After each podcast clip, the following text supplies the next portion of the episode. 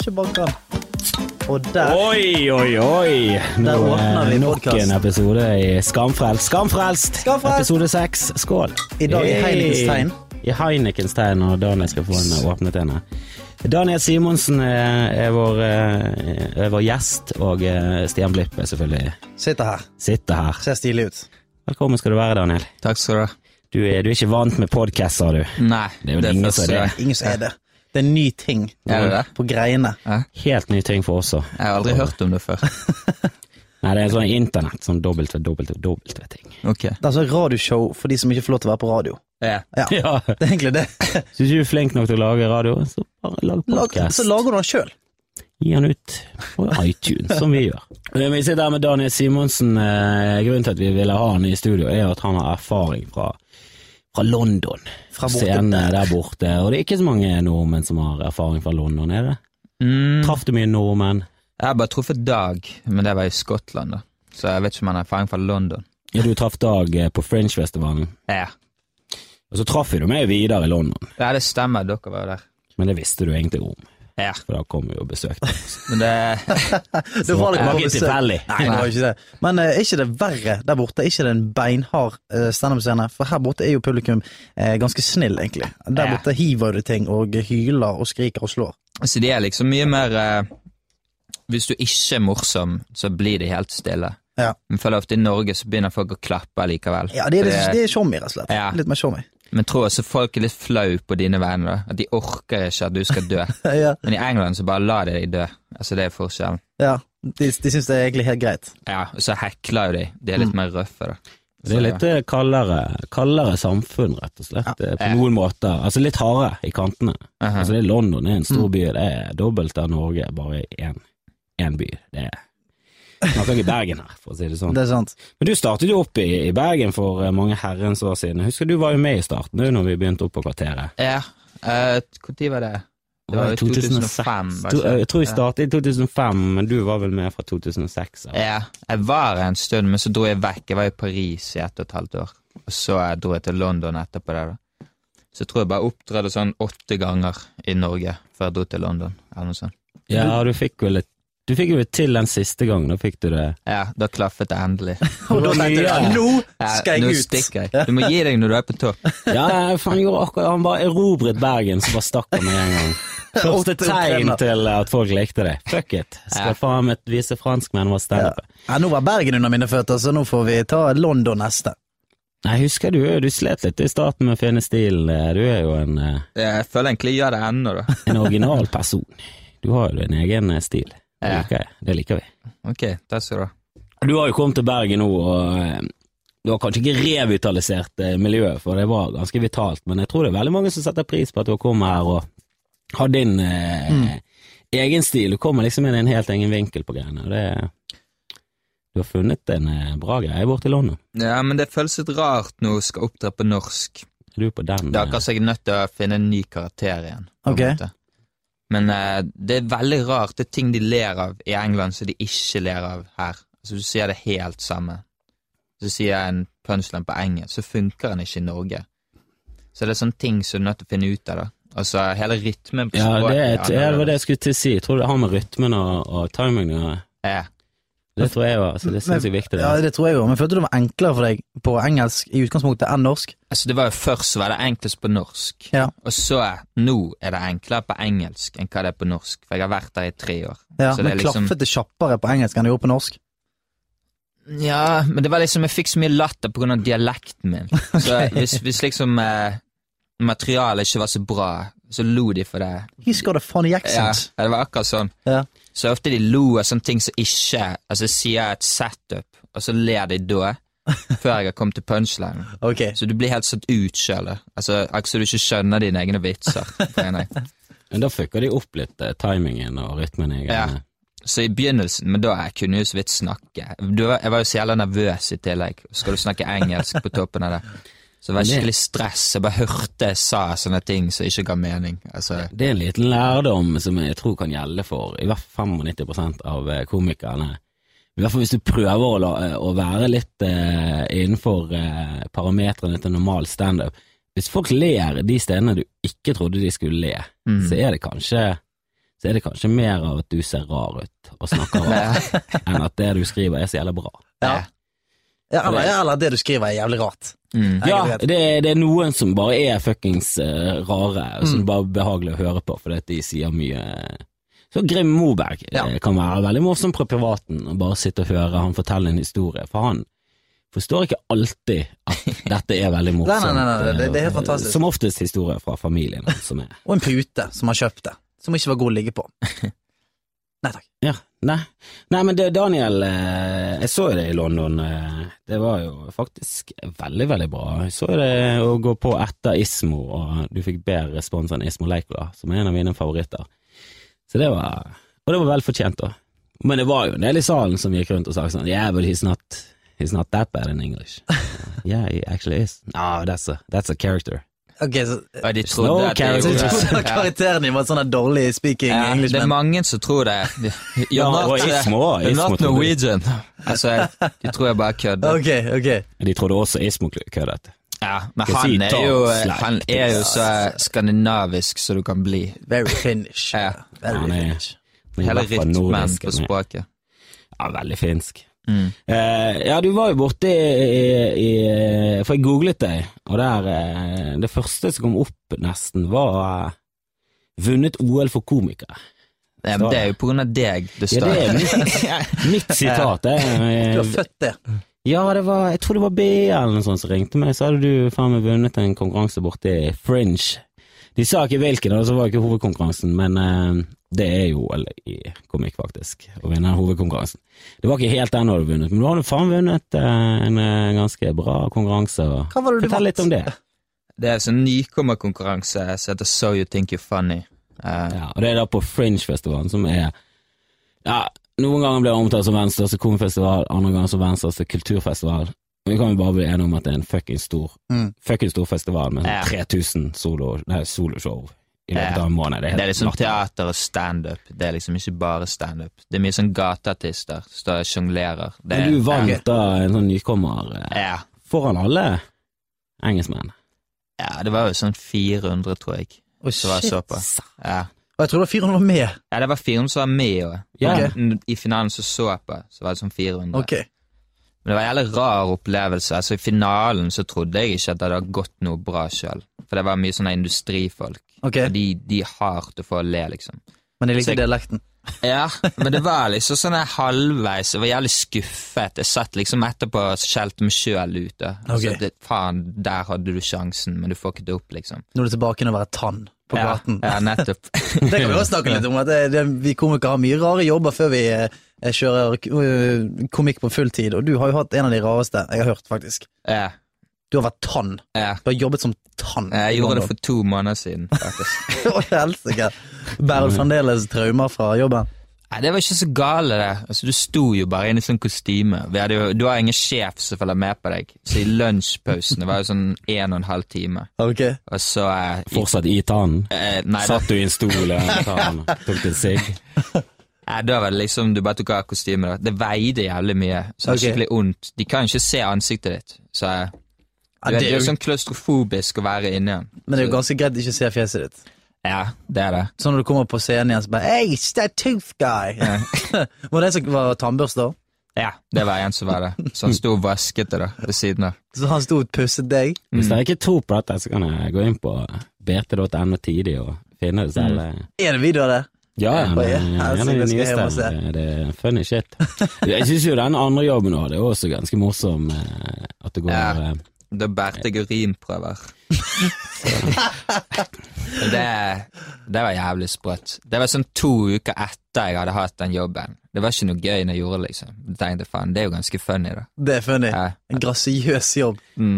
ja, du, altså, du får morsomme vitser ut av det. Ja. For du tar jo utgangspunkt i ja, i livet ditt. Mm. Men det som er så rart, det der med å være komiker, at eh, det er så stort spenn mellom eh, privatliv og, eh, og, og showliv innimellom. Ja. Så du kan stå på scenen og du føler deg som en stjerne, Ja. og så våkner du opp dagen etterpå og sier ja, ok, da er det jo bare urinprøver igjen. Ja, Ja. da er det bare piss igjen. Og så kommer Tilbake igjen til piss. Det syns jeg, er er rart. For eksempel eh, Ole So, for eksempel, som er komiker på kveld, og så er han eh, løytnant i Sjøforsvaret på dagen. Mm. Det er en sånn rar ting å kombinere, tenker jeg. Gjør han det, altså? Det gjør han. Helsike. Så jeg tenker sånn, det er jo vittig hvis han slenger en sånn vittig kommentar mot uh, sersjanten om morgenen, og så kommer han Er det sånn komiker vi har her? Så kan han si ja, det er det. Kom på showet mitt eh, på onsdag og på fredag. Uh, koster 120 kroner. Her har du visittkortet mitt. Der står det komik. Ja, i fritiden så er Ole So eh, der han bare taper. Så det, han er veldig sånn eh, forskjellige nivåer i livet hans. Går liksom fra å bosse i militæret til taper i fritiden, og så er han kul på scenen. Han ikke harker opp slim. Ofte gjør. Du vet det er sant, Ole. Yes, eh, men du vant denne konkurransen, og en av premiene var jo å reise til Montreal yeah. på Just for Laughs, som Mhm. sikkert folk kjenner fra møkkating som de av og til sender på TV2, så sender de sånne morsomme ting fra Just for Laughs. Er det det der Er det det som Ja. skjult Ja, kamera? det er bare det. skjult kameramølet som er sikkert på bunnen av Just for Laughs-pakken. I stedet for å kjøpe inn standup, så kjøper de inn de Mm. Moroklump-vitsene. er Forferdelig den latteren som går i bakgrunnen hele tiden. Men det er jo også blitt omtalt som eh, verdens største komifestival. Det er jo Fringe i Europa, og det er Montreal i Ja, den er jo egentlig i Canada, men det går for Nord-Amerika. Det er jo den største der borte. Ja. Du har stått for begge, du. Din Ja. jævla snik. Nei, det var ganske sprøtt. Um, men da var det sånn eh, Det virket jo jævlig stort, der. Så kom vi, så ble vi kjørt av sånne biler der vi skulle opptre. Så jeg trodde det skulle være sånn 8000 i salen. For jeg har sett det på YouTube, Ja, og da er det sånn galler. Men så kom det sånn liten pub, så var det sånn 50 stykker som satt der. Så det var jo bare så gjøre en normal klubbjobb. Så det var sånn, jeg reiser fra London for å gjøre dette? Det jeg kunne gjort dette i London òg. Men det som var psycho, var særlig komikerne. Altså alle amerikanerne, se showene deres og sånn. Ja, fikk du sett mye? Ja, jeg så en god del. Ja, Hvem var det? Drop, no, drop some names, motherfucker. Det som var størst, det var Bill Cosby. Oh. Han så jeg. Han er jo 75 år nå, så jeg, jeg trodde at han var for gammel, da, men det var helt sinnssykt. Var det bra? Ja, helt utrolig. Jeg har aldri sett noe som er så bra, liksom. Jeg sto liksom i to og en halv time, og så fortalte fem historier. Det var det eneste han gjorde. Ja, du sier det, og han, eh, duk, han dukket jo opp i en samtale mellom Chris Rock og Seinfeld også, i Mm. en film som heter Comedians, som er forresten veldig bra. Eh, og da fikk du, det var første gangen jeg skjønte at Jesus, Bill Cosby er ikke bare det Cosby Show og irriterende uttalelser i, i avisene og, eh, og det der gjelder dumme barneprogrammet. The eh. Cosbys, eller hva heter det for noe? det? Nei, men han Kids. har det der uh, Funny Things Kids er, Ja, stemmer det. Mm. Et eller annet dritt, Ja, ja. drittprogram. Men standupen hans er helt utrolig. Han er liksom, han er det shit, han. Aldri Det er det. Bill som er på toppen av det der dritet. Så meg gjennom noe Richard Pry her, her en dag, og det òg er gull. Det er det som var så fett når du så Cosby, altså alt som Pryor har Du ser han har tatt det fra Cosby. okay. Bare han gjorde det mye drøyere, mye mer dirty, og mye mer på en måte ærlig, da. Men Bill Cosby sin teknikk, det er jo Richard Pryor sin teknikk. Så når jeg så han, så bare følte jeg liksom så gudfaren av standup. Ja. Altså, han har liksom invented hvordan du gjør comedy, da. Fantastisk. Ja, Men det er igjen så ser Dave Chappelle, han har også tatt liksom fra Richard Pryor. Du ser de er nesten helt like de òg, ja, på framtoningen. Så det, Mm. det, alle har sine, sine idoler der ute. Og hvem er, hvem er din inspirasjon? Pryor har vært stor inspirasjon. Eh, jeg liker veldig mye andre artister, sånn som Sasha Baron Cohen. Mhm. Ikke sånn typisk standup. Uh, ja, mye rappere som jeg har likt. Sånn, så. Uh, Jeg tror det var du som var den første som, som snakket om Louis C.K. til meg, i hvert fall. ja, han er jeg jo stor fan av. Han kanskje Bill min Burr. favoritt. Ja, Ja, han er ja Bill. Burr også. Han er jo helt utrolig. Men det, det som er liksom gjennomgangstonen til de komikerne, er jo at de, de er veldig ærlige. Er veldig personlige, Mm. Og så stjeler de ikke fra noen. De kjører sin Ja. Altså Du sier at Richard Pryor er inspirert av Bill Cosby, det er lov. Det er lov til å være inspirert og Jeg kjøre i tror egen han Jeg liksom han men tok fra alle, og så gjorde han det til sin egen stil. Mm. Men det er alltid noen som ligger før. Sånn som Cosby, der vet jeg ikke. Det tror ikke han har tatt det fra noen. Altså Han har liksom inventet en slags form for storytelling. Sikkert stjålet Ja. det fra en onkel. Som var forbanna flink til å fortelle onkel. Charlie som var, var det shit på familiebesøk, og Cosby bare noterte. Noterte, ja, ja, ja. Det er jo en bra teknikk. I Norge, da? Jeg har du noen eh, i Norge? Faktisk, ja. Liker deg veldig godt, faktisk. Oi! Å, å, Det visste du var før! Det visste jeg ikke! Jeg så trynet ditt når du spurte. Men det er Å, ja, ingen grunn til at jeg gir 200 kroner til Daniel. Det er, Men det har jeg alltid gjort helt siden jeg så deg første gang. Bare, så var du helten min, da. Så du, eh, ja. Det er jo sånn deg jeg har tatt alt fra. Det er derfor du er så jævlig, det er derfor jeg liker det så godt. Jesus, nå begynner jeg å skjønne det. Og det synes jeg er litt eh, gøy med det, er at du vinner denne konkurransen, og du begynner å bli litt hot borte i London. Men hva var det neste du gjorde da? Nei, da stakk jeg til Chile. Jeg vant jo mye penger, sant. Ja, ja. Altså, det var jævlig Det var jo ikke sånn Altså, jeg grep ikke øyeblikket i det hele tatt. Så vidde ikke mens hjernen var varm. Nei. Du tok pengene og stakk til Chile. Ja, Ja. men jeg er liksom halvt chilensk, så jeg hadde aldri vært der før. Så det var liksom sånn jeg, jeg hadde så lyst til å dra, så tenkte jeg jeg kommer til å gaine meg mer som komiker i fremtiden. Altså et halvt år i London, eller at jeg liksom begynner å finne ut mer ting om meg sjøl. Mhm. Så det var liksom eh, Ja, det var utrolig bra reise, da. Men det, det ble jo Jeg merket det jeg kom tilbake. Hun som drev konkurransen, hun var jævlig forbanna. Hva er det? Hva er det du holder på med, liksom? Mm. Ja, for de, de tenker jo business. Du Ja. tenker jo Du tenker mer menneskelig og, og bare utvikle seg som komiker. Det er jo sånn Når du vinner noe sånt, så gjør jeg syv minutter. Mm. Og så sier jeg ja, neste år så kommer du tilbake med en time show. Men det funker jo ikke sånn. Altså, du må lære deg å så gå alle stegene, på en Mm. måte. Så jeg var veldig obs på det at de skulle prøve å gjøre meg til noe over natten. Altså, jeg hadde lyst til å bli flink til det jeg holder på med. Ja. Så jeg var liksom sånn Når jeg returnerte til London, så gikk jeg liksom underground. Altså bare returnerte til de open mic-stedene. og Så Og når du returnerte til Bergen, Ja. tilbake til røttene. ja. Hva er grunnen til det? da? Hvorfor du kom tilbake her? Og... Det var litt sånn som du sa nå, da. Altså, bare kjente jeg har vært vekk i fem år. Altså, det er akkurat så plutselig Faen, jeg husker ikke hvem jeg er engang. Altså, det var liksom så Så følte jeg meg tilbake igjen her, og så For å være helt ærlig så var jeg faktisk jævlig redd også, på grunn av den konkurransen. Mm -hmm. Altså det med at jeg har vunnet OL i standup. Ja. Og så blir det så sinnssykt hauset opp. Visst blir det. Sorry Og så tørde jeg ikke engang å følte jeg å opptre i Norge, da. Men så tenkte jeg faen, jeg gidder ikke å, gjemme meg lenger. Så Nei. du liksom Du går inn i hjertet av dine egne frykter, da. Og så Mm. står du. Så nå var det sånn jeg, jeg bare tar det så det kommer. eh. Og vi er jo kjempeglade for det.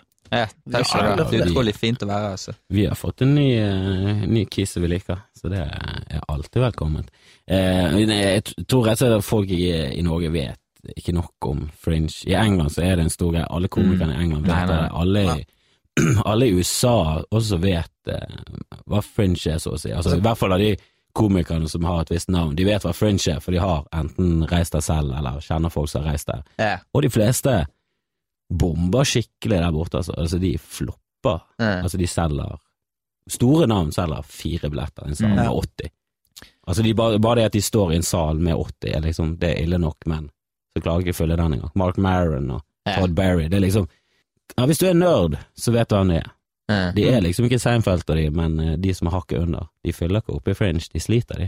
Men det er Er det sånn, det er sånn nerdefolk. Altså, jeg elsker Mark Maron og Mm. disse gutta her, men eh, det er bare hvis du er komiker og er nerd på det og eh, subscriber på podcasten og sånne ting, så da elsker du han jo, for du vet hvor god han er. Men eh, han er jo sånn som aldri har breaket skikkelig. Mm. Han har jo vært på eh, The Daily Show, han har vært på Conan, han har vært på alt det der, men så har han eh, så har ikke han det der likende eh, eh, greiene som du kan selge, da. Mm. Så han har aldri breaket noe skikkelig. Men alle som er nerd, de elsker han jo. Mm.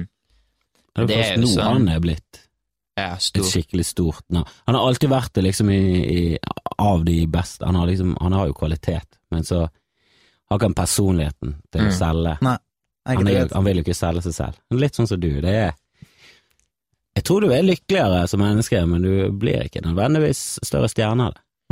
Men altså, til og med de som jeg liker best, de solgte jo egentlig aldri ut. det. Altså Sånn som Richard Pryor eller Louis C.K. Bill Burr har jo ikke gjort det i det hele tatt. Jeg har sett noen gamle greier av uh, Pryor som er veldig annerledes enn det han etter hvert utviklet seg til å gjøre, men det, det Mm. har jo ikke noe med å selge ut. Nei, da Altså, i begynnelsen så var jo han sånn clean cut og i dress og Ja, jeg har sett det fra et show. Men det, det er veldig rått, da, når de bryter ut av det, på en måte. Men eh, Altså, de, de går jo Altså, de utenlandske komikerne, Glenn Wall, eh, har visst hatt sånn fire forskjellige karakterer mm, på scenen Mm. Før han fant seg Og det er ikke karakterer som at du kler deg ut i en dress, liksom. Det er bare det at du Altså, du finner liksom din stemme, du finner Du går fra uh, korte vitser, og så Mm. går du kanskje til litt lengre utbroderende vitser. Kanskje du går fra det til å fortelle mer historie, eller kanskje du går fra å fortelle historie til å bare kutte alt ned til korte vitser, sånn som mm, som Jimmy Carr gjorde. Han bare kuttet vekk alt overflødig, og så forteller han bare. Ja. up, set up, punchline. Ja. Det har vel litt med det at eh, med en gang første gang du går på scenen, så er du sånn her Jeg håper bare ikke dør på scenen der. Og du eh, vil bare klare å framføre det stoffet du har uten å du blir buet ut. Men etter hvert som du begynner å bli komfortabel på scenen, så, så begynner du liksom, sånn som du sier, kjenne litt på deg sjøl. Hva er det egentlig jeg vil få fram på scenen? Mm. Og så begynner det mer å skinne igjennom enn at du bare står der for, for ikke å stryke med. Mm. Og at med en gang skjelvingene stopper. Så jeg har merka sjøl at min, eh, min stil har forandret seg veldig fra jeg, fra jeg begynte, til nå. For I begynnelsen var det bare sånn ok, nå må jeg bare klare å si alt helt riktig, pugget all Mm. teksten helt til, helt til det, det minste punktummen, sånn at jeg kunne framføre det perfekt. Men nå er det liksom sånn ja, nå vil jeg mer at det er min humor, sånn som jeg føler det, sånn det jeg syns er morsomt på privaten, det er det som kommer fram på scenen. Ja. Men det er utrolig Det er skummel, denne fasen der. Det var sånn jeg startet i Bergen òg. Altså, alt sånn her hvor jeg så opp i luften, Mm. det var innøvd, liksom. Fjes, Så, ja. alt. Sånn var det også i starten i England, men så kom det mer og mer til at det bare gikk opp og så bare snakket. det. Ja, for da kommer det litt mer fra margen, litt Ja. mer fra hjertet. Men det er jo det vanskelige med det er at det, det er jo godt mulig det ikke blir funny. Visst. Ja. Og da er det ganske smertefullt, altså. Så det er jo det med teksten. Jeg føler ofte teksten din den er, Det gjør jo at du er trygg, men det er også noe du kan gjemme deg bak, Mm. på en måte. Men hvis du tør å virkelig åpne deg, det er det vanskeligste av alt, da. Det er ofte da det kan gå, da kan det være fantastisk, liksom. Men det er det som er spennende. Det er Ja. spennende. For eksempel Mm. eh, på komfortjobber, så har du litt planlagt, men så er det Uansett hvor mange ganger du har stått, så er det like ekkelt å, eh, å begynne å snakke med publikum, for eksempel. Ja. Hver eneste gang. Mm, Du har kanskje gjort det tusen ganger, men det er sånn hver gang så vet du aldri hva svaret blir. mm. Kanskje blir det ah, 'fuck deg sjøl, din homo', som kommer fra publikum. Og du vet aldri hva som skjer. Men det syns jeg er litt av det som er spennende, at, at det fremdeles er en er hele tiden en nerve der. Ja. Uansett om du holder på i 20 år, eller om du holder på i ett. Ja, men det skal jo være risky business. Det skal være risky business. jeg tror du utvikler det mer hvis du tar sjanser. Ja, definitivt. Men det er veldig befriende å se på sånne folk. da, altså Samme det om de er standup-komikere eller musikere eller hva som helst. Mm. Altså Bare folk som tør å gå opp der og så våge å tryne foran alt og alle. Altså Alle du bryr deg om, hva tenker om deg og sånn. Så. Mm, ja, det, det, det er helt Du ligger hele sjelen utpå der. Ja, du gjør det. Du ligger hele sjel. Men det, du, har jo, eh, du var jo i London en stund. mm, Du ble jo en del av, eh, av miljøet der borte. Mm. Du, du kjenner jo en del, og du har jo stått på scenen med ganske så store navn. Du har jo delt scenen med Eddie Izzard. Ja, én gang. Ja. Ja, men eh, jeg har ikke sett han live engang, så Nei, én gang. Det, Bare det en gang, teller ikke engang. Det- Men det, det var en sånn guestspot. Altså De dukker opp på sånne små klubber Ok. uannonsert for å bare treste nytt stoff. Uansett. Ja, men det var helt sinnssykt. Det var bare Folk ble jo helt bananas når jeg gikk på. Så heldigvis var jeg på før han, da. Det er skikkelig drit å komme på etter en sånn tid. Tusen takk til Eddie Izzard. Eh, nå har vi en fyr fra Norge her. Eh, Daniel Simonsen. Hallo.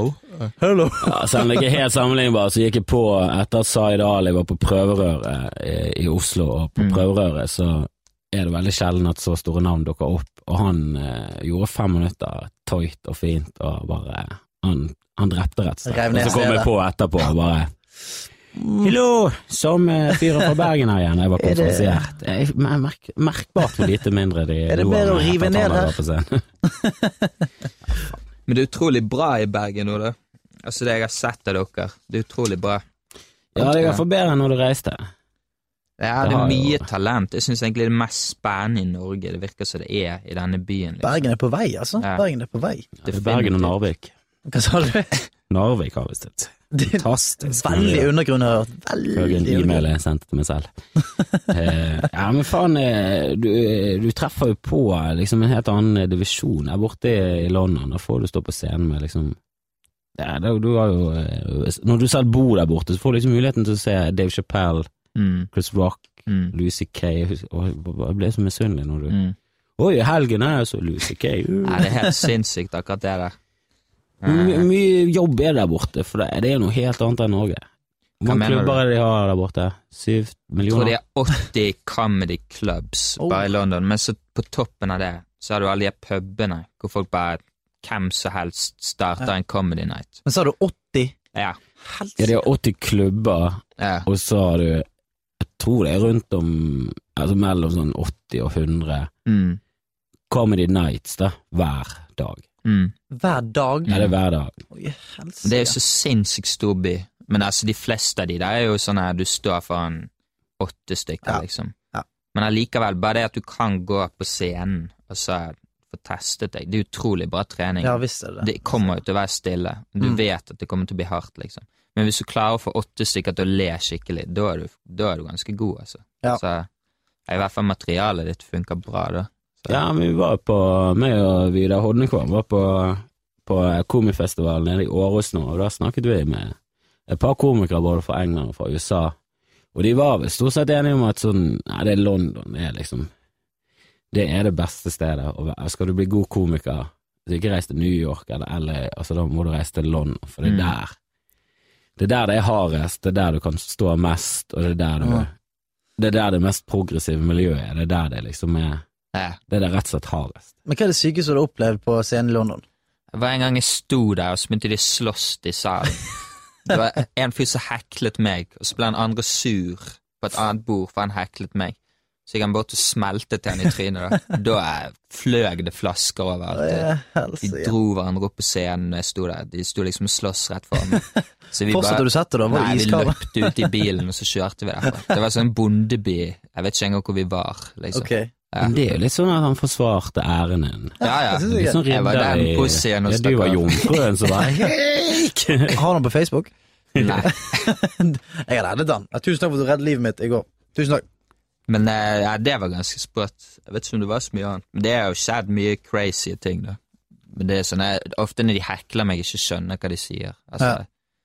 de, de er ofte ganske fulle, da, publikum. Men er de like hard på det der borte? Jeg synes her i Norge er det sånn hvis du hekler mye, så blir du kastet ut. Mm. Rett og slett. Mens eh, blir de kastet ut der borte? Nja, Ja, det kommer litt an på. De får liksom en advarsel, og så, eh, så eh, Hvis de fortsetter, så blir de kastet ut. Okay. Ok. Men det er liksom, de er ofte litt sketchy, de folkene. Så det er ikke så digg å prøve å kaste de ut heller. Du må bare teise dem med en gang. Sånne I nakken. Mm. Ja, jeg husker vi gjorde eh, Det var, det var den ene jobben du fikk med i London. Eh, så eh, Road to Highway to Hell, eller noe sånt het klubben. Det lokket uh, Hørte til mye verre ut enn egentlig var, men greia var at de ikke hadde noen kontroll i døren etter pausen. Mm. Jeg var heldigvis på før, og da var det ille nok. Men så kom det en sånn her gjeng med dodgy typer inn, som satt seg liksom lengst vekk fra scenen, og de Mm. satt bare og saboterte Mm. i hele andre del. For de hadde ikke betalt penger for det, og de ville ikke høre komikk. De ville bare sitte og prate. Gå så da var det uansett hva komikeren sa, så var det bare You're not funny, motherfucker! You are fucking cunt! Det var så mye cunt som ble hevet opp mot scenen, og det var liksom en komiker, eh, han var bare 19, og har gjort liksom 100 show på et halvt år, Mm. og har vunnet en konkurranse nå nettopp. Han choket etter tre-fire minutter, så gikk han av. Kom en komiker på, så han liksom en reklame på TV, og han var liksom en Han hadde liksom han hadde ikke et navn, han var liksom en del av hele sirkuset der. Ja. Choket etter syv minutter. altså. Det var bare i en vegg av dritt. Så det var, sånn, det, det var alt for meg. Og, Det var det jeg hadde. det som er digg med å være norsk der. Det er ingen som vet hvem du er. Altså, så du kan være helt psycho. Ja. Her er litt mer sånn eh, følende opptreden, Folk som sitter i salen som vet hvem jeg er og sånn. Så det, er bare til å brenne på. ja, det er det jeg prøver på nå, da. Men akkurat der så er Jeg tror til og med hvis du er engelsk komiker Det er ingen som vet hvem du er som sitter der. Det er så sinnssykt stort. der. Ja, det er det. Når det er Så, 80 ja, ja. Det er, hvor mange som bor i London? Det er jo sånn 40 millioner, tror jeg. Helsike. Så, Nei, det er alt fra 8 til Nei, Jeg tror ikke Jeg det tror er det var 80-40, 40. men det er fra sånn 8 til 16. Det er spørsmål om 40 er vel i. England, det. I hele Ja, jeg tror 40 er engelske. skryter. Bangladesh. Det er jo for 400 millioner. Men jeg syns det er gøyest å høre om sånne forferdelige Forferdelige gigs. Jeg syns det er det gøyeste å høre om. Mm. For eksempel, um, jeg husker eh, Pål Rønnelv, Vidar Hodnekvam eh, Jeg tror det var kanskje Rune Lote òg. Skulle ha et show ute, i, eh, ute på Sotra i Ja, det, var, Bergen. det var det med Det var helt sinnssykt. Det var en, jeg hadde gått på før, da. Jeg skulle, eh, det var før jeg kjø- møtte noen av dere, da. Det var for en god del år siden. Så hadde jeg bare beatbox-show, da. Med fullt trøkk. Og da var det kanskje noen som hørte etter, for jeg bare blåste på med all lyd som var i det anlegget der. Og så rett etterpå skulle de opp og gjøre et standup-sett. Fire stykker. Og det setupen ned rett ved siden av scenen, så er det bungee-jumping. Så det vil si at de som detter ned, detter nesten ned foran scenen. Og så er det et hoppeslott på andre siden. Så når du kommer på, så hører du egentlig dette altså, unnskyld, mitt navn er Pål og det er sikkert bare unger der, og, eh, og alenemødre, og Pål begynner å si sånn Jeg så en kjerring som eh, ammet ungen sin på McDonald's her en dag, eh, og så sier jeg du kan ikke få opp de puppene. Så sier hun ja, men det er helt normalt å amme. Så sier han jeg kan dra fram kuken min og runke, og det er helt normalt, men du ser ikke meg gjøre det. Masse tolvåringer, alenemødre, hoppeslott. Null respons. Så jeg tror det var da Vidar Holland kom bare sånn Jeg tror ikke vi går på, jeg. Jeg tror vi går hjem. Må se an publikummet ditt. Altså. Men det er liksom sånne drittjobber du får i Norge. Du kan få litt sånn dårlig arrangerte ting. Ja. Men eh, klubbpublikum er jo som oftest veldig hyggelig og trivelig. Mm. For de har betalt for å komme Ja. der. Sånn er det ikke alltid i London. Nei, det er helt sant. Her er det utrolig bra, altså. Det pleier å være ganske fullt av det. Mm. I hvert fall på Riks er det alltid På Riks mye er det folk. Ja. Men det borti London kan jeg tenke meg sånn at du står og har standup mens noen spiller dart og biljard borti der.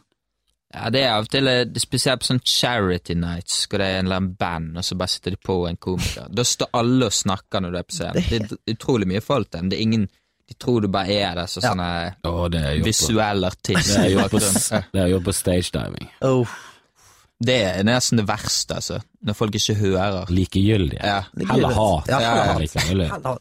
Men det Men kan hat kan du gjøre noe med. Ja, ja. Likegyldighet da er du bare fucked. Ja. Du kan ikke slenge drit i likegyldighet, for de trekker bare på skuldrene, så tekster de videre. For likegyldighet det er kanskje det som suger mest energi. Mm. Hat det gir det i hvert fall noe energi. Mens likegyldighet da står du egentlig bare pøser ut energi. Så du går av, og så bare Da tenker du er det dette jeg skal høre på? Er dette ingen som hører på? Er det dette jeg skal holde på med? Men jeg tror heller vil, eh, vil nesten heller hatt et likegyldig publikum, eller kun et publikum som har hatet meg. I hvert fall der og da, men det har sikkert vært morsomt etterkant. Ja visst. Jeg tror alle hater meg. Det blir, det blir ingen historier av likegyldighet. Og det blir ingen historie av suksess heller. Heller ikke. Nei, Jeg var i Molde, fullsatt sal, de lo, jeg fortalte vitser, kom med punchlines, de lo, så klappet de sikkert av, jævla fornøyd. Fikk en truse på scenen. Fikk en truse på scenen. Nei, det du vil heller høre ja, vi sto på Bybanen og uten mikrofon og bare plaget folk. Så var det en fyr som hadde med seg en bowlingball som han kastet på meg. det er det du vil høre. Deiste til en unge i hodet med mikrofon. Det sånn. Nydelig historie.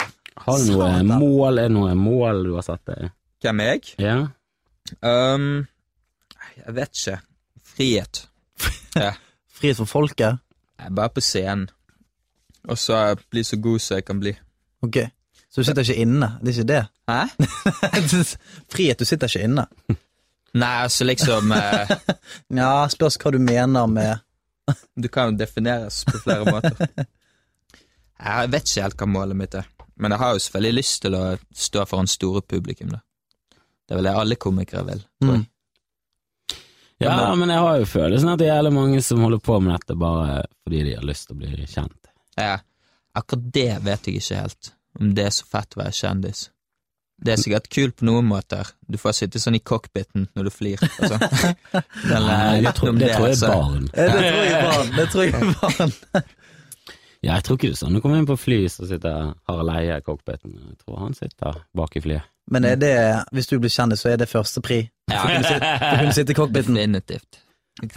Ja, no Fuck business class. Jeg skal helt frem med det jævla flyet. Jeg får snakke, da. Jeg får snakke da. Psj, det er Daniel Simonsen som eh, Liker du å fly, du? Altså, det er ganske kjedelig, da. Jeg tror alltid jeg skal dø hver gang, men det, Men det det går jo alltid bra Ja, det var med, det jeg tenkte på. Ja.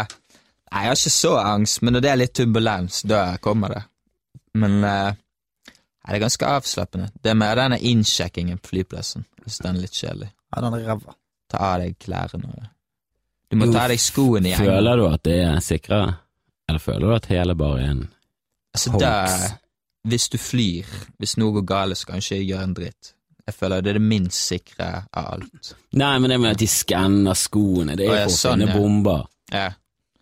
Eller det er Eh. unnskyldningen de bruker for å skanne Ja, det. ja, Det er jo altså. fordi at uh, jo, jo, men det er terroristene, de, de smugler alltid bombene i skoene sine. Men det er jo noe Mm. tull, for jeg, eh, jeg vet ikke hva av ting jeg har sluppet gjennom denne med. Jeg har vært, hatt gjennom en saks som ikke har blitt funnet, alt mulig ting. Jeg reiste gjennom Europa med en lighter. det, Ja, ja. Det fant du ut etterpå. Ja. Sant? Den står på no-listen. jeg tror det er bare rett og slett på kødd. De, de gjør det. Den står på no-listen sammen med vann ja. og kam. Det er jo Etter 11. september så har det blitt forbanna drit og fuckings fly. Ja, det er helt Jeg hater sinnssykt. Helt sinnssykt. Så det er litt slappere her, da. I Norge, virker det som. Ja, det er litt mer chill. Det var en på av sånne der, med øks, var ikke det? På et fly? Det er helt sikkert, altså, Jo, jo. helt sikkert, for der i de stedene er det i hvert fall ikke sjekket. Jeg var i Ulsteinvik nå for en stund siden. Han så ikke på meg, han, så, han bare slengte den der eh, bagen igjennom. Han var ikke gjennom X-rayen engang. Nei, men det er- Altså, flyselskapet heter jo Cato Air. Det var én fyr som kjørte alle flyene. jo ikke det mest eh, seriøse som finnes i verden. Jo, det var en fyr som greide å smugle med seg en øks på Cato Air, og gikk berserk i cockpiten, og han som la han i bakken Det var Cato. Jeg vet ikke om han er minister nå, men han var plutselig minister, så det er sånn det foregår i Norge. Eh, Så han var minister. eh, Var det et Ja, resultat han av at han lå inne i? Arbeiderparti-minister. Ja, helten fra Cato er jeg vet da faen hvilken andre kvalifikasjoner han hadde. Helten fra Cato er. Det er en tittel å smykke seg for meg. Hva er forskjellen på eh, å fremføre på engelsk Altså Når du fremførte de første gang på engelsk, tenkte du på norsk, eller du bodde der så lenge at du var kommet inn i flyten? Så når jeg flyttet derfra nå, da tenkte jeg på engelsk. Da jeg sa jeg, og nå er det på tide å komme seg til Norge. Altså for det, da, er- da er det så jeg mistet hvordan jeg tenker, nesten. Men forskjellen på å opptre på engelsk og norsk Det går saktere på engelsk. Altså, hele rytmen er mye mer slow. Ja. Så tror jeg jeg er enda mer tørr på engelsk enn hva jeg er på norsk. For du er ganske treig i rytmen på, på norsk. Ja, men det der er noe som kom fra det engelske. Ok. Så nå prøver jeg å komme tilbake igjen til litt mer energi, da. Um, ja. Du er ikke den mest energiske personen som Jeg er ganske chill. person. Du er, du er fra Chile, og du chiller. Mm. Men jeg syns det, det er det fine, at du er så chill. For det, det, det er nesten deilig å se på deg. Selv, om- selv om en vits ikke går bra, Ja. så er du bare like rolig. Ja ja. Det er sånn yoga Ja da. Nei da. Jo da. Vi får ta denne her, Hvordan da. er det du skriver vitser? Hvordan jobber Jeg har ikke funnet ut av det ennå. Jeg føler ikke jeg får det helt til. Da. Altså, jeg skriver, og så av og til snakker jeg inne på rommet til meg sjøl. Men eh, egentlig funker best for meg hvis jeg tør å bare gå på scenen og så snakke om noe som har skjedd. Altså, jeg vet jo hva jeg syns er morsomt, men du skal sitte ned og være så genial, så det er akkurat så på en måte tvinger det frem. Det er akkurat som det kommer Ja. en sperre. Ja. Det er faktisk det. Jeg kan lett skrive noe på Messenger til en kompis, eller på Facebook-chat. Da skriver Ja. jeg akkurat sånn som Hvis Ja. jeg bare kunne klart å skrive sånn når jeg skal prøve å, få det til, Det er liksom. helt sant. Jeg er helt enig. Jeg har et problem med at ting jeg syns er morsomt oppi hodet hvis jeg, sier, hvis jeg sier det rett ut fra hodet, så blir det bare en, en mølje av drit. Mm. Men jeg må liksom få det ned på arket, og liksom få arrangert tankene mine. Mm. For jeg snakker veldig fort, og eh, hvis jeg begynner å snakke før tankene har utviklet seg i hodet, så blir det bare sånn «Ja, det jeg så Cornflakes, så jordbær og ah. Men så hvis jeg skriver ned, så kan det faktisk bli noe eh, bra. For da Mm. får du den der eh, Du kan se på rytmen. Sånn som du sier, jeg snakker mye til meg sjøl Mm. inne på rommet. Og du Mm. kan si det, smake litt på det, og Ja. kjenne litt på rytmene. Gjør du det, Kristoffer? Snakker du til deg sjøl? Nei, eh, mer inni hodet mitt. Går Mm. og tenker på hvordan jeg skal si det. Mm. Men jeg tror faktisk det er like greit å bare si det ut høyt. Mm. For det er hakket meg elegant inni hodet mitt. Ja, det, Altså, det er vanskelig å få det ut. ja, det er det er helt fantastisk vanskelig for stemmen min er mye kulere i hodet. En ganske dyp, fet stemme. Jeg kunne vært Det skuespiller. ligner ikke noe på din. Kommer jeg og hører min egen stemme, høres ut som en jævla pubertetsfyr som står og er hissig. Ja, du blir jo freaky første gang du hører stemmen din. Mm. Stemmen din høres jo helt merkelig ut. Ja. Jeg synes det ikke. blir det. Stian, Stian er så perfekt på alle mulige måter.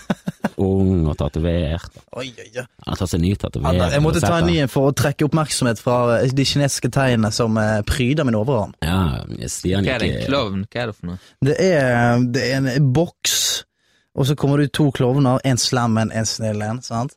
Og så er det noen høyttalere, en mikrofon og noen snacks på andre siden. Og det er så kult hvis jeg holder mikrofonen, så ser du mikrofonen under. Mm. Sant? Hallo, er denne på? Kjempegøy. Av hvis det hadde kommet lyd ut fra de hele høyttalerne. Det hadde vært gøy. Men det, det gjør jeg så snart den teknologien har kommet. Nå Sitter du og tekster, du når vi podcaster? Jeg fikk en liten eh, tekstmelding fra JCK, det er sånt som skjer. Det er sånt som skjer under en podkast. Er det såpass hissig at du må ta det nå? Jeg, jeg, tenkte bare, tenk hvis det var gøy. Så kunne vi tatt det her nå, det i all sånn. offentlighet. Ja, ja, vi må ta, vi må inkorporere ting. Det er jo engelskmenn jævlig mye flinkere til enn nordmenn, altså inkorporere ting som skjer, liksom. Mm. Ja, ja. De er så ryttis, de her. Det er jo det som er stor forskjell på engelske komikere og norske komikere. Hvor sinnssykt rutinerte de engelske komikerne er, hvor jævlig flinke de er. De har liksom et comeback til en Ja. hvilken som helst situasjon i salen.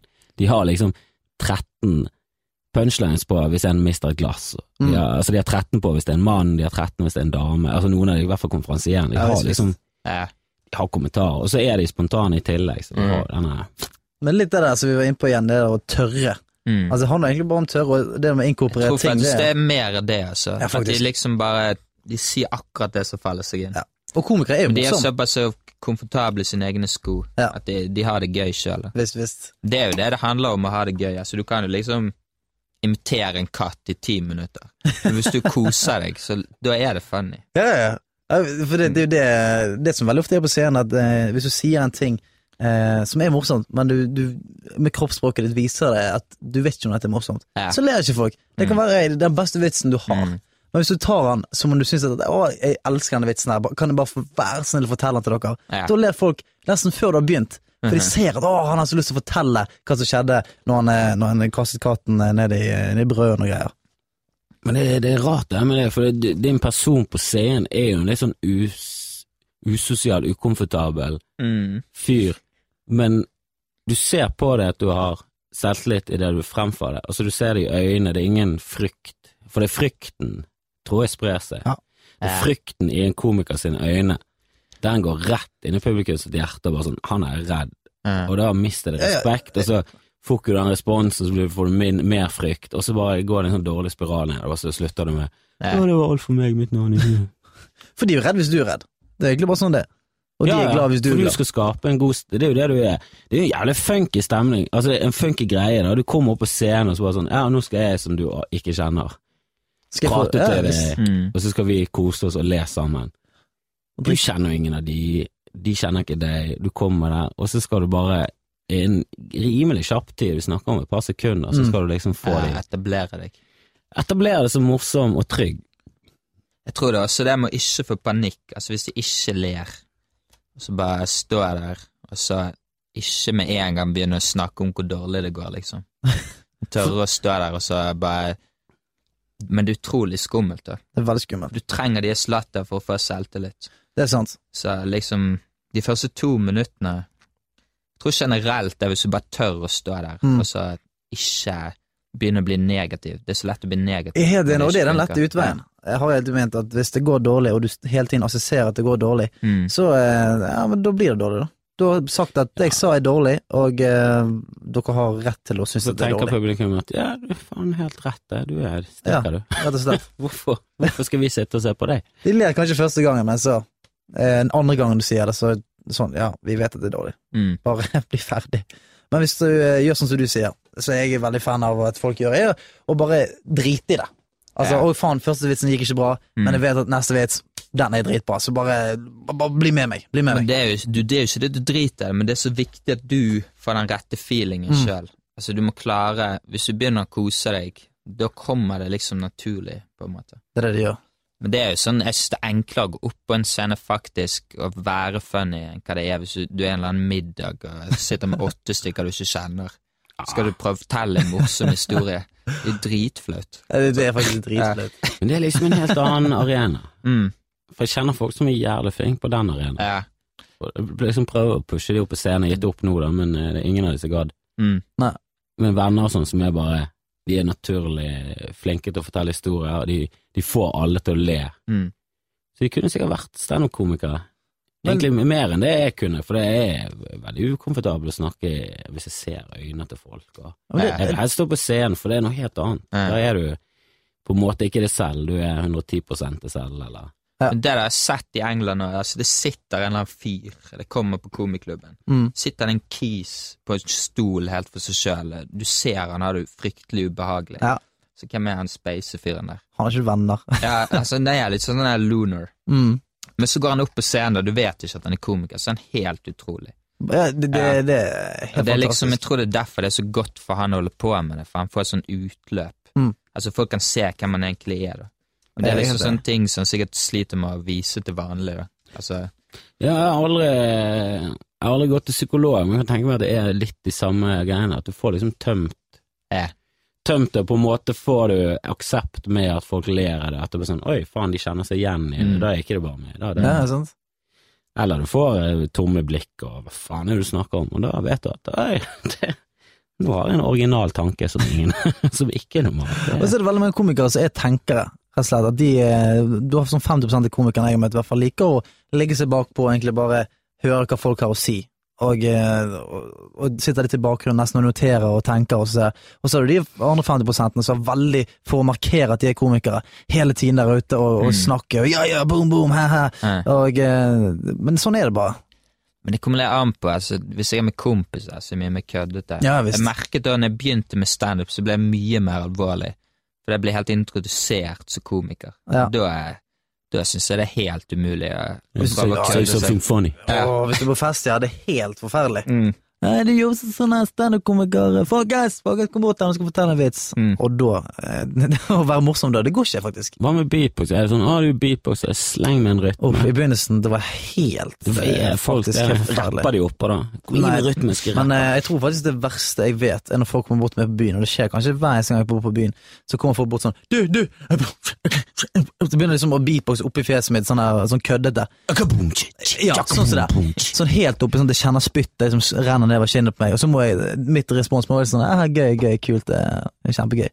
Selv hvis du står på, eh, i køen på McDonald's, så er jo det kjempegøy.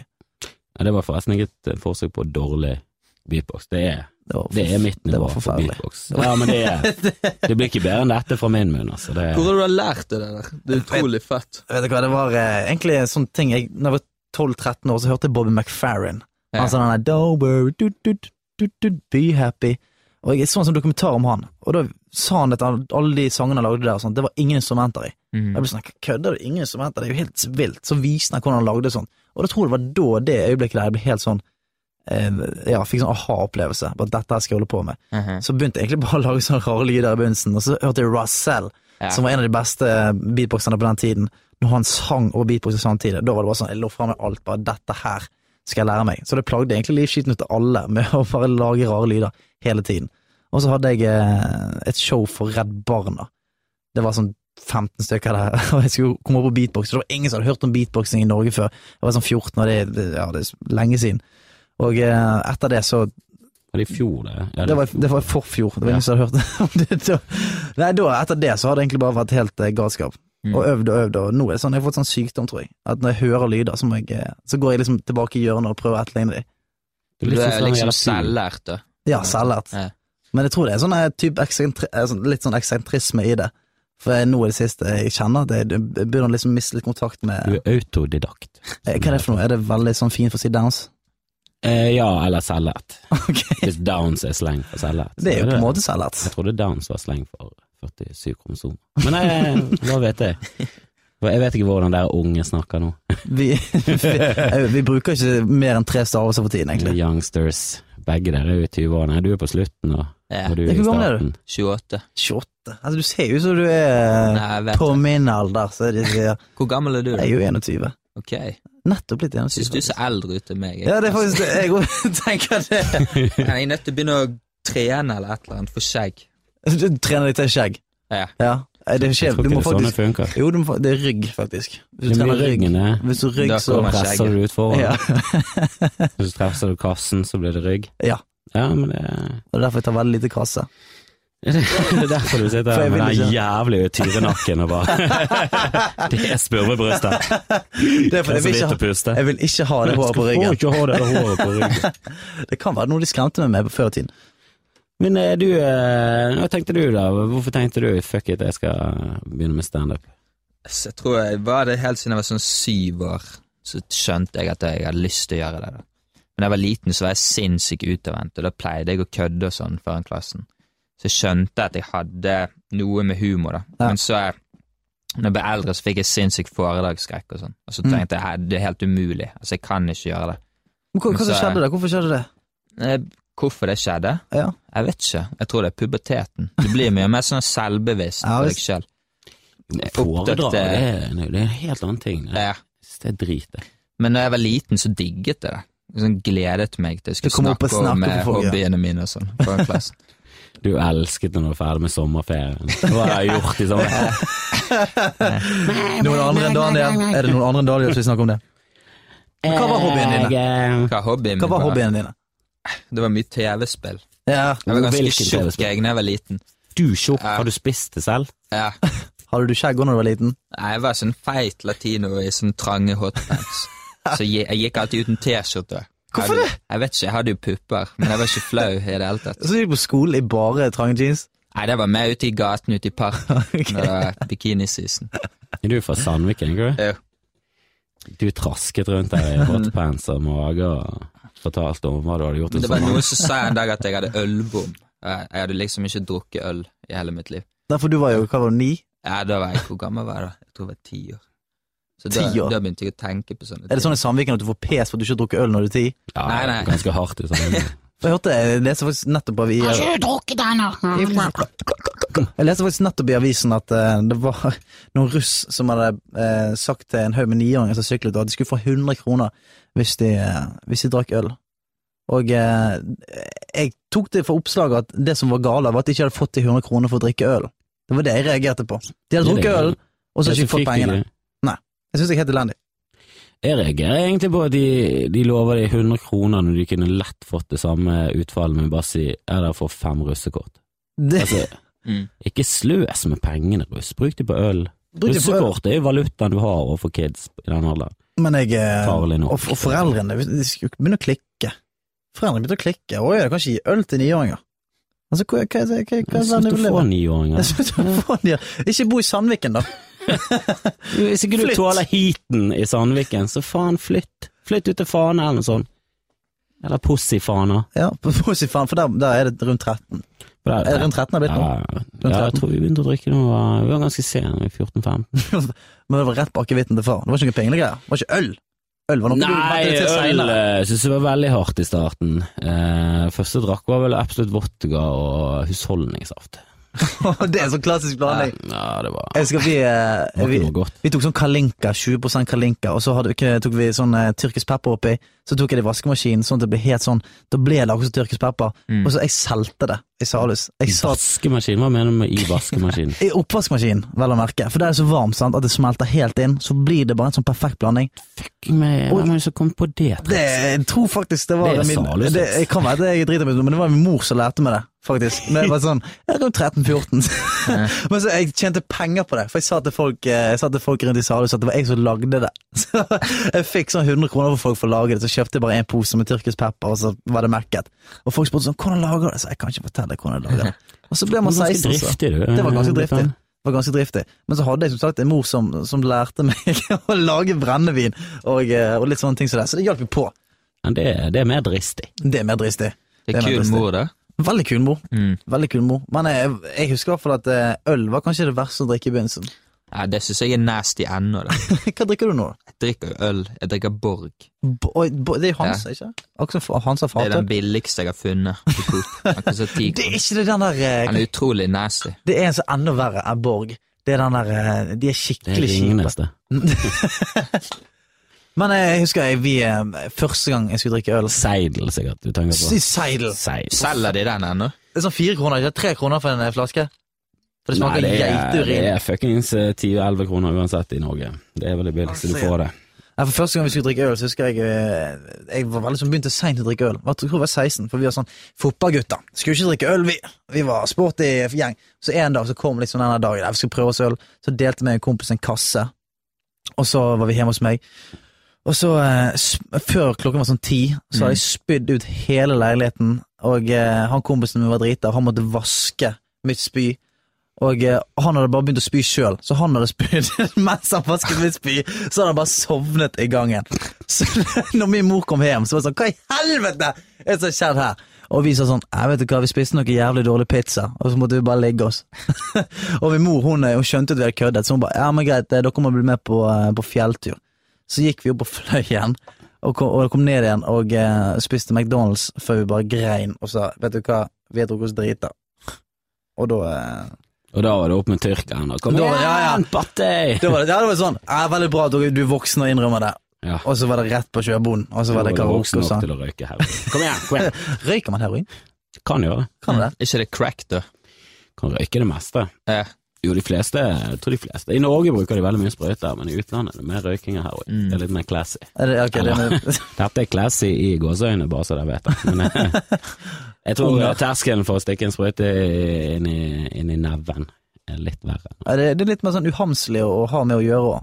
Altså, Ja, de fleste De sier jo det at hasj er inngangsporten til de greiene, men eh, de, sannheten er vel at sigaretter eh, Du må kunne røyke sigaretter for å kunne røyke hasj, ellers Mm. får du ikke noe særlig virkning av det. er det såpass, ja? Ja, du kan ikke bare gnisse hasj eh, På oppi tannkjøttet, du får ikke noe særlig høyde av det. Ingenting?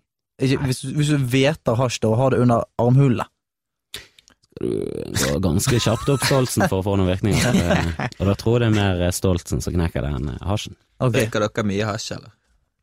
Jeg har faktisk, eh, jeg har faktisk, jeg har har faktisk, jeg har faktisk ikke prøvd den, da. Faktisk det? Nei. Jeg har bare gjort det én gang. Da jeg flippet det så ut at jeg eh, Jeg tror du har vært sånn siden. Du høres litt sånn eh, Det høres ut som Det var i lenge. Kristiania, da. Da røykte jeg det sterkeste de hadde, rød libaneser. Det høres helt sykt Så hadde ut. jeg allerede drukket to flasker vin, og så var jeg bare 16 år. Faen, rød libaneser høres ut som slår deg ut, altså. Ja, men da, nei, jeg bare snakket med kameraten min i en halvtime uten at han var der. Altså, de fant meg i sånne busker. Jeg hørte det jeg satt og snakket med meg selv. Og så eh, Jeg gjorde masse samtale? ting. da Jeg helte øl over hodet mitt hele kvelden. Det hadde ingen grunn. Det var bare for jeg fikk sånn eh, feeling for å gjøre det, liksom. Så du gikk og snakket med deg sjøl, hadde øl over deg sjøl. Mm. Men jeg er jo sånn, jeg har egentlig ingenting imot hasj sånn i seg sjøl. Det er bare at jeg har satt terskel der. Ja. Jeg, egentlig, jeg har ingenting imot eh, hasj eller folk som røyker hasj i det hele tatt. Jeg kan godt sitte i et rom med folk som røyker hasj, men det er bare det at jeg, jeg har bare sittet terskel der. Bare sånn, ok, brennevin. Jeg, jeg får en dritbra bøss av eh, brennevin. Der er Men der egentlig stopper min terskel. Burde jo holdt meg unna det jævla ildvannet. Det. Nei, det For det skjer jo enda verre ting med de greiene der. Ja, nei, det er sketsj, altså. Alkohol er vel den farligste formen for Helt drøyt. ja. Ja, det er jo en farlig form for uh, rus òg. Altså, Ja. du gjør jo Du kan jo lett finne ut at du skal knuse til en i, i trynet i Ja. alkoholrus. Mm. Eh, og det er vel med alkoholrusen mikset med en herlig pillemiks. Det er vel det som er kronen på verket innenfor uh, destruktiv rus. Ja, for folk, eh, hasjfolk skader aldri noen. De, de er jo helst hjemme og uh, spiller TV-spill, Mm. eller noe sånt. For de, eh, de, sier de som drikker brennevin og popper i seg en pille, det er jo de som nikker deg ned eh, på McDonald'sen for at du hoster. Mm. Ja. Jeg har mye kompiser som slåss på filler, men de kan jo ikke slåss i det hele tatt. Så de, Men de er utrolig hissige. Du har mye kompiser som får bank i filler, jeg prøver å si. Det er folk du har gått på rota med. Nei, det er bare sånne Så må du stjele fra bygden, da er de klar for fight. Men det er, de er kule folk. Når det ikke er for bank. Ja. Drikker du noe når du er på scenen? du? Nei, aldri. Det er en regel jeg kjører. Jeg tror jeg hadde blitt så avhengig av det. Jeg vet jo det sannsynligvis kunne ha hjulpet. ja. Så jeg liksom Ja, jeg visste at hvis jeg gjorde det, så trengte jeg det hver kveld. Mm. Og så trenger jeg plutselig tre øl. Ja. Og så er jeg bare fullere og fullere. Så Men jeg har lyst til så å klare å gjøre det helt edru, da. Uten alkohol. Plutselig er du på Lille, så må noen forklare deg hva settet ditt var dagen Mm. etterpå. Det var en liten, et lite stikk der. En liten stikk til Dag Sørås, eh, fylliken fra nord, som er totalt avhengig av Det kommer an på personen, det. Noen funker det skikkelig bra for. Ja, ja. For noen er jo det faktisk en del av scenepersonen. Det har bare blitt det opp gjennom årene, så de må, må faktisk ha det, som du sier. Men Det er akkurat som hvis du er på date. Altså, det er utrolig kjipt helt til du har tatt en halvliter. Er Da begynner jeg å slappe av, liksom. Men så dere prøvde å date edru? Jeg har gjort det en gang i eh, Chile, for der drakk de ikke alkohol. Så jeg gikk ut med en dame. Og så måtte jeg danse edru. Og Det var så jævlig. Og du bare kebassa. Nei, da følte jeg mye skam, altså. Edrudansing, ja. Ja. Jesus Christ. Jeg syns brisendansing er ille nok, altså. Ja. I hvert fall når det er med eh, damer og i et eller annet Ja, sjekke, altså. sjekkeøyemed, så Edrudansing det er faktisk kjipt til og med hvis du kan danse. Mm. Det tror jeg. Du ser Begynn å knipse og sånn, jeg. Trenger litt knips og klapp. Er det noen andre som gjør det? Ja, det- ja, er det klapping og det så Fordi, også, eh, Hvis jeg har det gøy og danser, så er det ingen klapping og knipsing. Men hvis jeg er ubehagelig, står en eller annen dame og skal imponere, Mm. kommer de der dumme knipsene fra Jeg klarer ikke engang å løfte armene. De henger fast til beina og er limt til siden. Så du står står bare frem og tilbake. Jeg så Så bare bare hopper litt. eh. du finner din egen liten hip riverdance-style. Slash chilensk dansingstyle. Men de kan danse i Sør-Amerika, da. Ja, i helsike. Du har liksom jo blodet, føler du ikke at du har litt i blodet? Nei, ikke akkurat det der. Da jeg følte meg så lite chilener, så det går an. Du fikk kun ølvommen-puppen og hotpants. Det, det var det du fikk av latino. Men de har så lav terskel for å danse, de. Jeg eh, Mm. var på den der Wahiki, nye klubben i Bergen for. Klokken var tre, vi var på et utdrikningslag. Mm. Og der var det fem stykker som ikke drakk eh, Latina Babes, som bare var der oppe for å danse litt salsa. Mm. Rett og slett. Danse salsa, tok seg en sprite og gikk igjen. Mm. Du sa aldri noen norske damer gjøre de greiene der. Men du blir slett giret, så de kan kjøpe kake på supermarked, så begynner de å danse, liksom. Visst, visst. Det skal ikke så mye til for å få det i gang. Og det savner jeg litt egentlig med, med norske damer. Jeg håper ikke de hører på, men eh, altså eh, Søramerikanske damer er så mye mer damete. Jeg tror ikke det er noen som hører. Ikke noe som hører på. Jeg håper ikke noen som hører på. Nei, men Søramerikanske damer er mye mer damete. Er dette live? Nei, Ok. dette blir, dette blir eh, sendt ut. Det er har en del å jobbe med editen i dag, altså. Det er ingen edit. vi, det, det er en liten regel. Usensurert. Mye vås. En time med vås, egentlig. Og så Ja. noen folk som gidder å høre på. Kunne like godt hett fjas. Ja. Fjas i en time med oss. Skamfjas. Skamfjast. Men nå begynner timen å tikke. Altså, vi er på ett, en time og ett minutt. Oi. Ja, men vi kan slutte med det. Latinodamer, de er, de er damer, altså. De er mye damer. Latinomenn, de er menn. Men de Ja. elsker jo norske damer i Sør-Amerika. Hvorfor det? Hva er det de har De igjen? ser jo liksom eh, ut som gudinner. Det er det de gjør. Ja. Men eh, det syns jeg er litt av kjipe, for det, eh, latinadamer ser jo nydelige ut, og de er ikke redd for å gå ut og skjegge bodet igjen, eller De er jo fantastisk vakre. fantastisk. Men det er, du blir nesten satt ut av hvor eh, de er liksom rett i trynet på deg. De er det. Ja. Og de tar ansvar, rett og slett. Det er de som drar deg med på dansegulvet, Ja. det er de som tar deg med hjem, det er de som sender deg i taxien hjem dagen etterpå.